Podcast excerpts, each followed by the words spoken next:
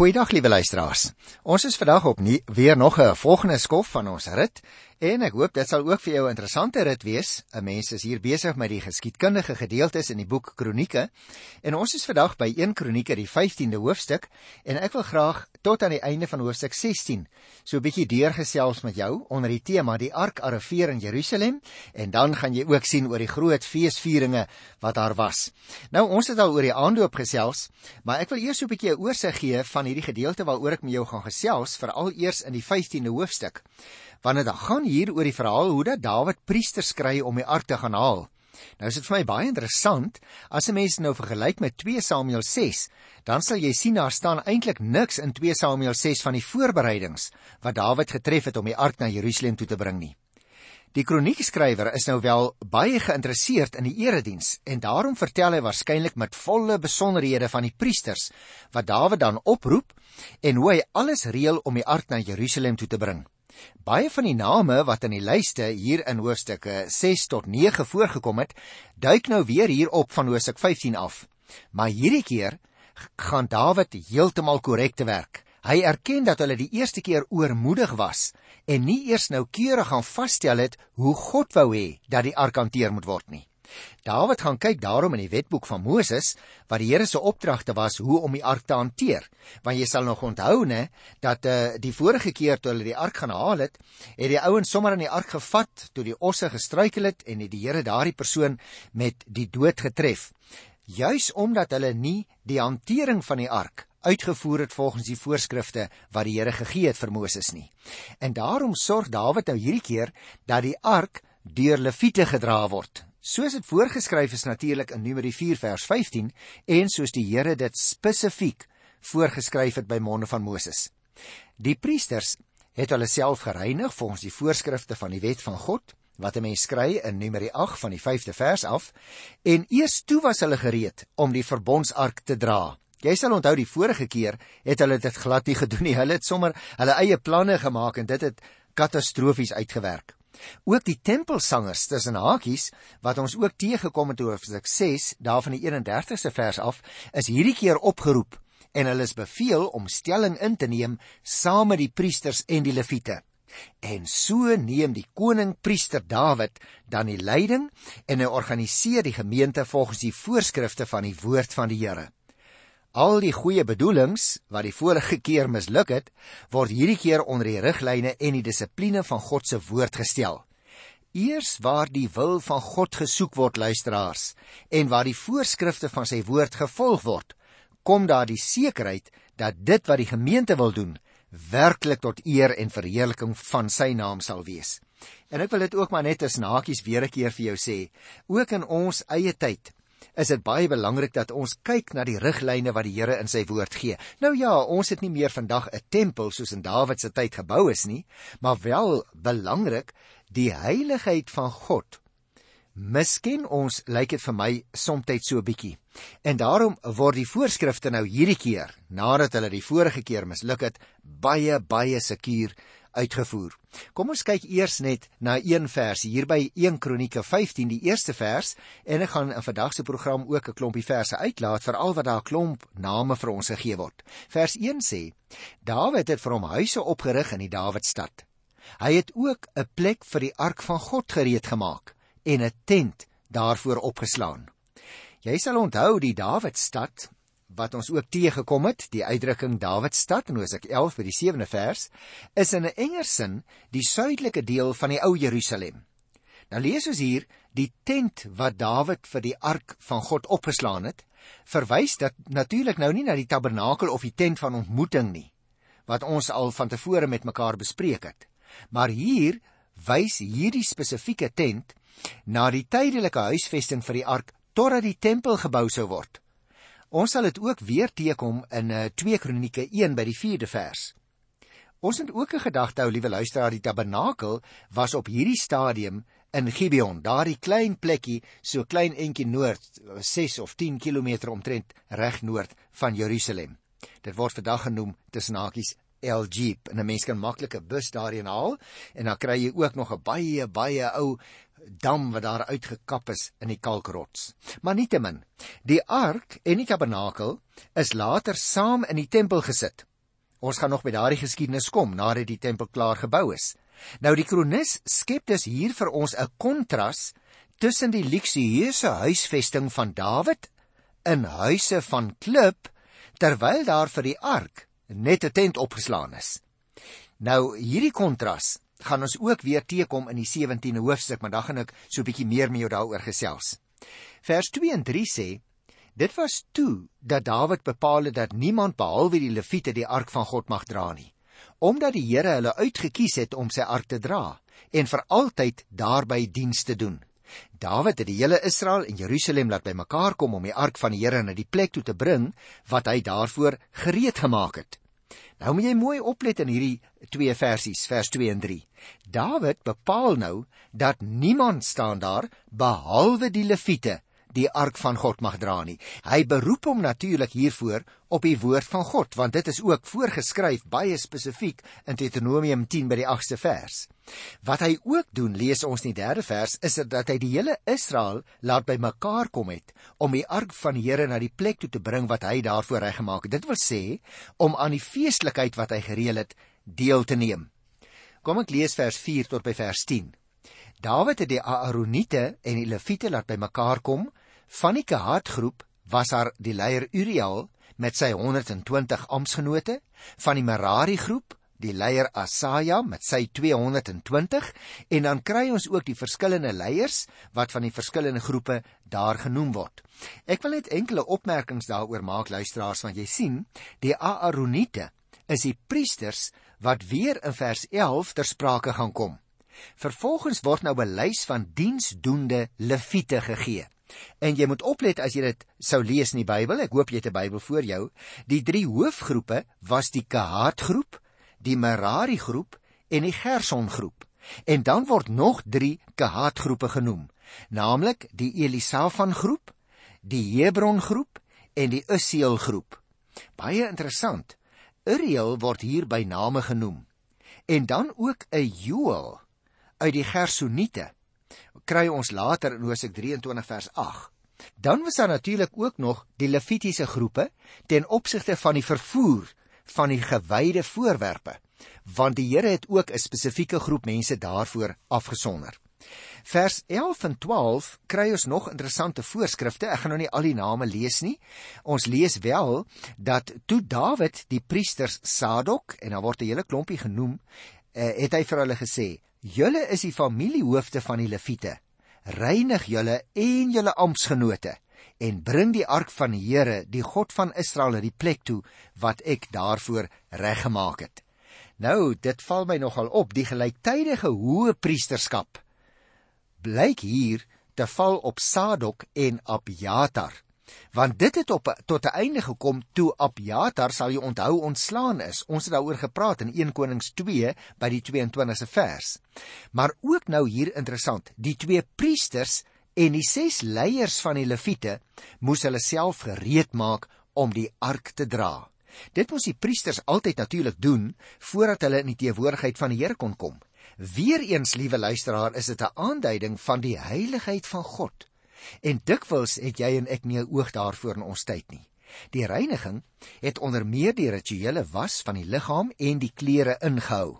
Ons het al daaroor gepraat toe ons die boek Eksodus behandel daar by die 19de hoofstuk. Die 13de vers is nogal baie interessant. Hier staan: "Omdat julle dit nie die eerste keer al gedoen het nie, het die Here ons God iemand van ons weggeskeur, want ons het nie op die regte manier na die wil van God gevra nie." Dit is dus vir ons baie duidelik, liewe luisteraar, omdat daar die vorige keer nie op die gepaste manier opgetree is nie. Jy kan gaan kyk ook in vers 22 word daar dan weer 'n keer verwys, het die Here, hulle God, iemand van hulle weggeskeur. En dit is daardie interessante stukkie geskiedenis wat ons hoofstuk 13 uh, gelees het van die 9de vers af. Jy sal dit nog onthou. Dawid bely dus dat God nie na behore geëerbiedig is nie. Maar ook in die tughandeling in die dood van Isia destyds erken Dawid dus die Here is nog steeds ons God sê hy. Dawid sluit homself natuurlik nie daarbey uit nie. Hy was saam skuldig aan wat by Issa se skeur gebeur het so rukkie van tevore. Want sê hy, ons het nie op die regte manier na die wil van God gevra nie. Daarom is dit so belangrik, liewe luisteraar, dat jy en ek juis ook in hierdie deurmekaar tyd waarin ons lewe, baie spesifiek die Bybel sal raadpleeg om voortdurend na die wil van die Here te vra. Vers 14 en 15 sê: Die priesters en die leviete het hulle toe gereinig om die ark van die Here, die God van Israel te gaan haal. Die leviete het die ark van God met draaghoute op hulle skouers gedra, soos Moses beveel het in ooreenstemming met die opdrag van die Here. Merk jy dus nou op? Net soos Moses beveel het in ooreenstemming met die opdrag van die Here daar in Deuteronomium 10 vers 8, het die leviete die ark van die Here met draaghoute op hulle skouers gedra. Ek het met jou daaroor gesels toe ons Eksodus 25 van die 13de vers afbehandel en jy sal nog onthou dat die feit dat hulle die ark aan draaghoute moes dra, wat deur houtringe gesteek is met 'n paar leviete voor en 'n paar leviete agter die ark, was 'n teken van die heiligheid van God se teenwoordigheid wat gesimboliseer is deur die verbondsark. En ek het al vir jou gesê, die verbondsark was min of meer so groot soos 'n gemiddelde kombuistafel nou in ons tyd. Vers 16 en 17. Verder het Dawid die hoofde van die leviete beveel om hulle amptgenote, die sangers, te laat optree met musiekinstrumente, harpe, liere en simbale, om die feesvreugde hard te laat weergalm. Die leviete het toe die volgende manne laat aantree. Nou hier kry ons letterlik tientalle name luisteraars en ek gaan 'n paar algemene opmerkings maak sonder om die name in die res van hierdie hoofstuk in detail een vir een te bespreek. Wat wel van belang is, het ons in die 17de vers gelees dat hierdie hele gebeure staan onder die leiding van Heman, Asaf en Etan. En dan kom ons hier van die 25ste vers af tot by vers 29 uh, want ek gaan al daai name uitlaat hier in 1 Kronieke 15 voor vers 24. Nou laat ek eers 'n oorsig gee van wat hier van vers 25 af gebeur en dan kyk ons 'n bietjie meer na die detail van daardie verse, want dit handel nou oor die verhaal hoe dat die ark nou uiteindelik in Jerusalem aankom. As ek nou 'n skrywer van musiek was, luisteraars, dan sal ek nou vandag op die agtergrond musiek laat speel het en gemaak het waarvan die tempo al sterker toeneem um, omdat ons nadergaande die hoogtepunt van die gebeure hier by die aankoms van die ark in Jerusalem. En hierdie gebeure het ons ook teëgekom, sal jy onthou by 2 Samuel 6 toe ons dit daar behandel het. Nou hier in Kronieke se weergawe word Dawid as die priester wat die leiding op hom neem voorgestel. Hy is as dit ware self ook soos 'n priester in 'n mantel van fyn linne geklee. Hy bring offers soos die priesters en hy seën die volk terwyl hy eintlik ook die koning is. Nou die belangrikste dink ek wat ons opmerk is dat die gebeure 'n feestelike aangeleentheid is. Daar is sang en vreugde, krete en kos wat by die feeste geëet word. Onder Dawid se leiding word die byeenkoms van die gemeente wanneer die ark in Jerusalem ingebring word 'n groot feesgeleentheid. Ek gaan dit nou nou lees. Vir Israel is sy ontmoeting met God natuurlik in die erediens 'n geleentheid wat altyd van vreugde getuig. Ook wanneer ons self vandag 'n Sondag vier, liewe luisteraars, kom ons bymekaar om die blye dag waarop Jesus uit die graf opgestaan het te herdenk. Daarom is dit 'n aangeleentheid vir vreugde. Dikwels is ons eredienste so swaar en dit behoort nie so te wees nie. Dit behoort vir die gemeente 'n feestelike geleentheid te wees om die Here te ontmoet. Ek wil jou graag vra, is dit die ingesteldheid waarmee jy self ook persoonlik kerk toe gaan, liewe luisteraar? Want moenie jou vir eie verantwoordelikheid afskuif op die dominee of op die pastoor nie, né? Watter vreugde en watter lied leef daar in jou eie hart wanneer jy op pad is na die Here se huis toe? Vers 25 en nou gaan ons 'n bietjie meer na die detail kyk sê. Dawid, die leiers van Israel en die aanvoerders van duisende het die verbondsark van die Here in feestelike stemming uit die huis van Obed Edom gaan inbring. Nou hierdie gedeelte sluit natuurlik nou aan by 2 Samuel 6. Al die vernames van Israel is daar. Die koning vooraan, maar ook die volks en die militêre leiers neem aan die feestelike geleentheid deel. Want onthou ons het te maak met 'n teokrasie, met ander woorde God word erken as die hoof van die staat. Vers 26 sê: "Hulle het sewe bulle en sewe ramme geoffer om God se hulp te vra vir die leviete wat die verbondsark van die Here gedra het." Nou hier word nie uitdruklik gesê, het jy opgemerk, wie die offers gebring het nie. Uit 2 Samuel 6 vers 13 kan ons wel die afleiding maak dat Dawid self die offers gebring het of dan miskien ook die priesters namens Dawid. Dis egter duidelik dat Dawid self by hierdie geleentheid bepaalde priesterlike funksies verrig het. Volgens die 16de hoofstuk by die 2de vers het Dawid offers gebring en die volk in die naam van die Here geseën. Dawid is dus nie net koning nie, hy is ook 'n priester. Die leviete het hulp nodig gehad want hulle moes 'n uiters verantwoordelike werk doen. Daar is dus vir hulle reinigingsoffers gebring, vertel vers 26. Maar luister na vers 27. Dawid het 'n mantel van fyn linne aangetree, so ook die leviete wat die ark gedra het, die sangers en Kenania wat in bevel was van die sangers. Dawid het ook nog 'n linne skouerkleed gedra. Nou dit is interessant want Dawid se priesterlike optrede kom nou ook in sy kleredrag tot uitdrukking. Hy het ook nog staan daar 'n linne skouerkleed gedra. Vers 28 vertel vir ons: So het die hele Israel die verbondsark van die Here ingebring met feeskrete rams, horing en trompet geskal, simbaal sla en die musiek van harpe en liere. O, luisteraar, die feeskrete en die rams, horing geskal terwyl die leviete die verbondsark van die Here in Jerusalem indra, dit maak natuurlik die intog 'n oorwinningsfees en dit moet ons oplet in die gebeure. Vers 29 sê terwyl die verbondsark van die Here die Dawidstad ingekom het, het Saul se dogter Mikal deur die venster afgekyk sy het koning Dawid gesien terwyl hy spring en dans en sy het hom in stilte verag. Nou dit is 'n vreemde opmerking. Dit is die enigste vals noot in hierdie hele gebeure. Saul se dogter Mikal het haar man koning Dawid sien spring en dans en sy het hom stilte het sy hom verag. Dit is dus duidelik.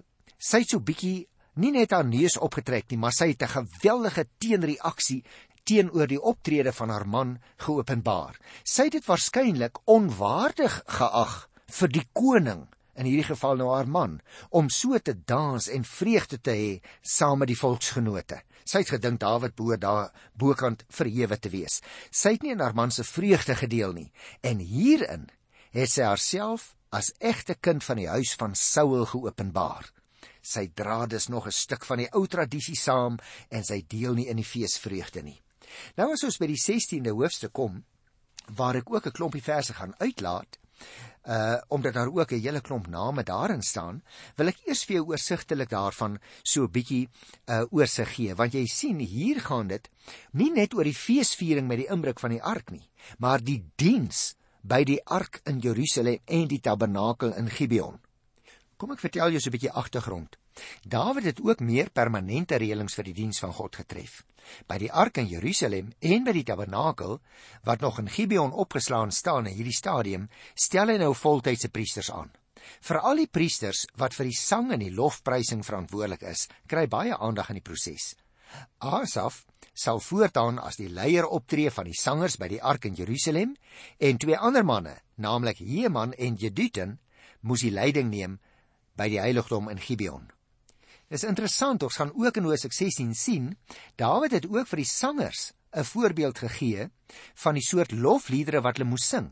En hierdie lied stem ooreen met sekere psalms. Ons gaan nog oor die psalms baie gesels en sal ek weer daarop terugkom.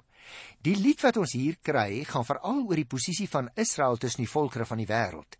Die geskiedenis en dit wat met Israel gebeur het, is 'n stuk getuienis vir die volkere van die wêreld van die Here se almag en sy grootheid. Jy sien, in die bestaan van Israel word bewys dat die Here oor alles en oor almal regeer, ook oor die volkere, al erken hulle hom nie regtig nie. Daarom moet die Here geloof word en liedere tot sy eer gesing word. Deur dus vir sy mense hierdie lied te gee, leer Dawid die volk van God om voortdurend hulle God te loof en te aanbid en te prys.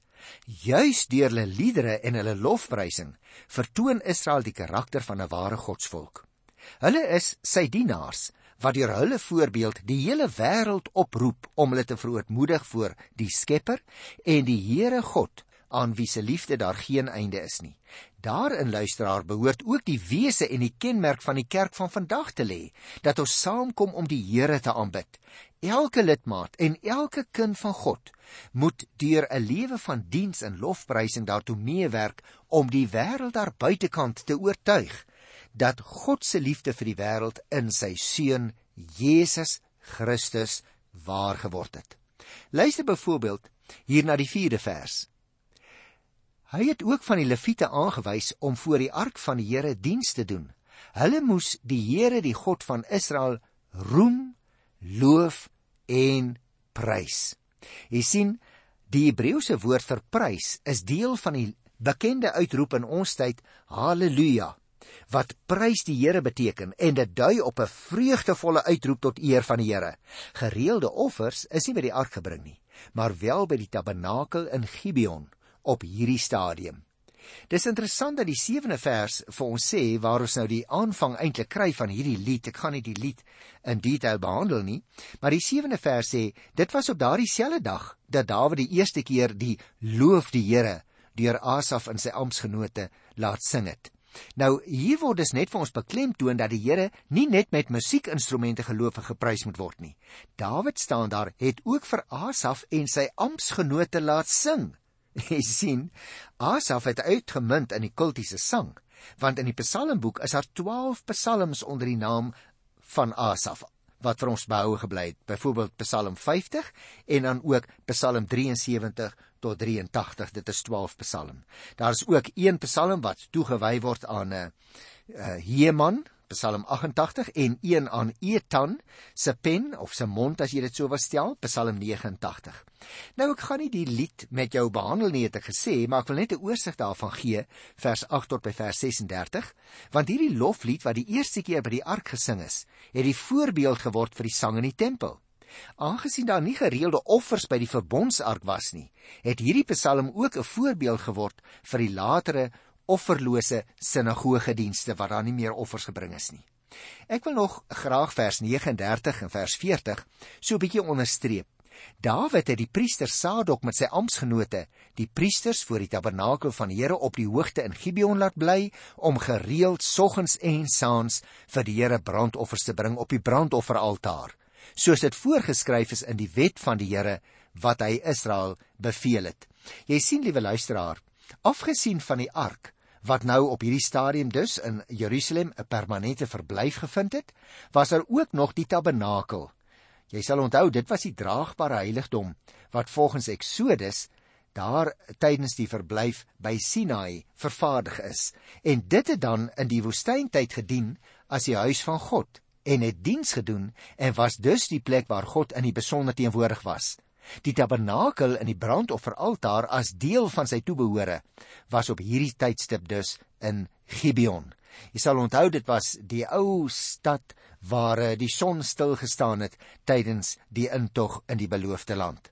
En dan wil ek by die laaste paar verse afsluit hier by vers 41 en 42. Saam met hulle het Heman en Jeduten en die ander manne wat gekeer is en by name aangewys is, daar laat bly om die Here te loof want aan sy liefde is daar geen einde nie. Dit is eintlik die woorde wat hulle gebruik het. Vers 42 sê: Heman en Jedutun was in beheer van die trompette en simbale en die ander instrumente om die lied ter ere van God te begelei. Die volgelinge van Jedutun was by die poort. Nou merk jy op, soos by die verbondsark word in Gibeon ook leviete aangestel om vir die musiek en die sang te sorg en ook om as poortwagters op te tree. Hulle staan onder leiding van Heman en Jeduten. En die eerste frase uit die lofsang by die tabernakel word vir ons hier weer gegee, want aan sy liefde is daar geen einde nie.